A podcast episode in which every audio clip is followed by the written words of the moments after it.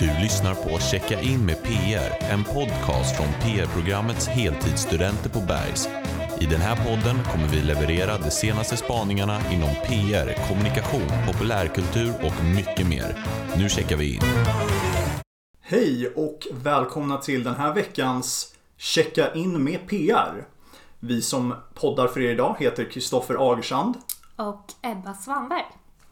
Och idag är en speciell dag för att det är första gången som jag och Ebba sitter i samma rum tillsammans på över en månad. Det stämmer. Vi har ju haft både jullov och eh, break från skolan fysiskt kan man säga. Mycket självklart på grund av Corona. Men vi sitter i alla fall med två meters avstånd. Så vi inte ska göra några sjuksköterskor eller vårdpersonal oroliga. Exakt. Så med det vill vi ta er med på den här veckans spaningar. Ehm, känner du för att kicka igång eller? Absolut. Ebba, Nice. Mm. reser du någonting med SL? Ja, ibland. Ibland, så du påverkas av biljettpriset? Ja. Ja. Eh, under en av våra tidigare föreläsningar hörde vi ett exempel eh, om OLV.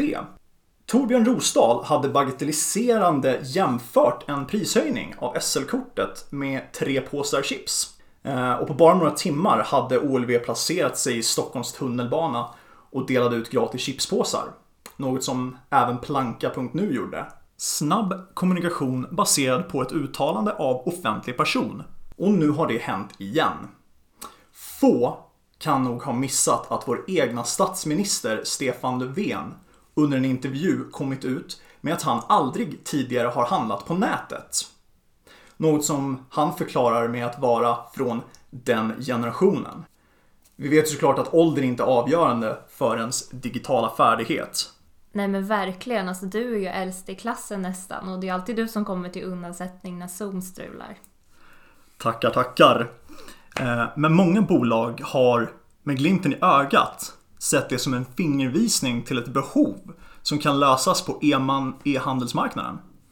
Bland annat Lyko var supersnabba på att slänga ihop en guide för hur man handlar online och hälsade Stefan att det aldrig är för sent att lära sig nya saker. Just det, vi såg ju också Meds lyfta värdet av sitt telefonapotek för de med sämre digitala kunskaper. Jo, precis. Och CD-ONs VD gick till och med ut och erbjöd Stefan personlig support inför hans första köp på sidan. Ett klädesmärke som jag är fan av, Grand Frank, gick tyvärr lite långt med inlägget “Gör inte som Stefan” där man erbjöd rabatt med koden Stefan, men det drog snabbt tillbaka. Men hur kul är det inte att en sån här liten detalj för en offentlig person har fått så många att agera? Alltså det är så roligt och det är så sjukt hur det här verkligen har fått sån spridning så snabbt. Ja, Men jag tycker ändå det är smart av de här företagen att eh, jacka in på det. Nästan som att politiker kommunicerar så annorlunda från vanliga människor. Så att när de väl droppar något som vi faktiskt kan relatera till så blir det så mycket mer uppmärksammat. Nu väntar vi bara på att kulturminister Amanda Lind ska öppna upp om tvättstugeäventyr. Eller att Fredrik Reinfeldt ska gå ut offentligt med vilken som är hans favoritfilm i Star Wars. Ja, det hade i alla fall jag klickat på. Men du Krille, jag tänkte bli lite djup nu Okej. och prata om en trendspaning som berör allt ifrån kärlek till lyckoforskning till personlig utveckling. Och nu tänkte jag att vi ska lägga in lite så här härlig spa-musik här. Passande. Ja, för jag ska prata om begreppet livsdesign. Har du hört talas om det? Nej. Visst låter det ändå härligt? Ja, jag blir nyfiken. Ja, okej nu räcker det med harmoni. Jag har nämligen läst en väldigt spännande artikel i veckan om en datingcoach som heter Linnea Molander. Och hon pratar om just det här begreppet. Vilket kort och gott innebär att man designar sitt eget liv utifrån sina egna förutsättningar och preferenser. Så det är alltså precis som det låter. Men mycket är också relaterat till företagande och att bryta sig loss lite från samhällets förutfattade strukturer och normer. Vilket jag tyckte var ganska intressant eftersom vi ju faktiskt ska ut i den här läskiga arbetsvärlden snart. Eller hur? väldigt snart. Och eh, Linnea då, som man har intervjuat, berättar i den här artikeln att hon i sitt liv känt sig ganska låst i de här förutbestämda eh, strukturerna i samhället. Och att det är väldigt eh, återkommande hos personer som har svårt att se skillnad på personvärde och prestation.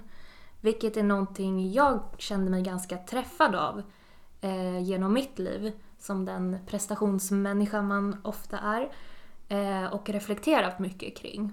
Har du någonsin känt dig så att du eh, identifierar dig med dina prestationer? Inte bara kan jag känna igen mig i det här, jag har också eh, kämpat med det en hel del. Ja. Eh, träffat psykologer för att få komma i bukt med det. Någonting som jag rekommenderar för många. Och det tror jag inte är ovanligt. Och enligt den här artikeln så finns det en förklaring.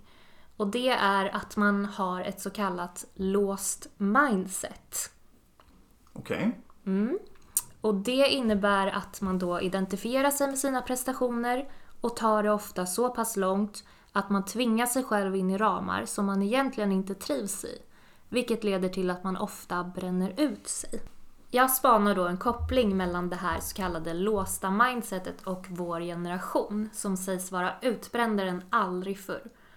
Men i och för sig, jag menar ju då generation Z, men du är ju lite äldre än så va?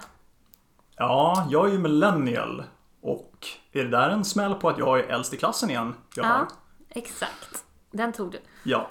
Ja, nej förlåt. Men samtidigt så är det ju de här generationerna också mer ifrågasättande än någonsin, eller hur? Absolut. Och jag tror att eh, man kanske inte kommer finna sig i att jobba måndag, fredag 9 till 17 i resten av våra liv till exempel. Och dessutom så säger lyckoforskningen enligt den här artikeln då, då att vägen till framgång faktiskt inte ligger i att jobba hårt som satan. Utan det handlar om att använda sina styrkor och att skapa flow. Så vad säger du? Tror du att vi kommer fortsätta skapa nya, mer anpassningsbara arbetsstrukturer?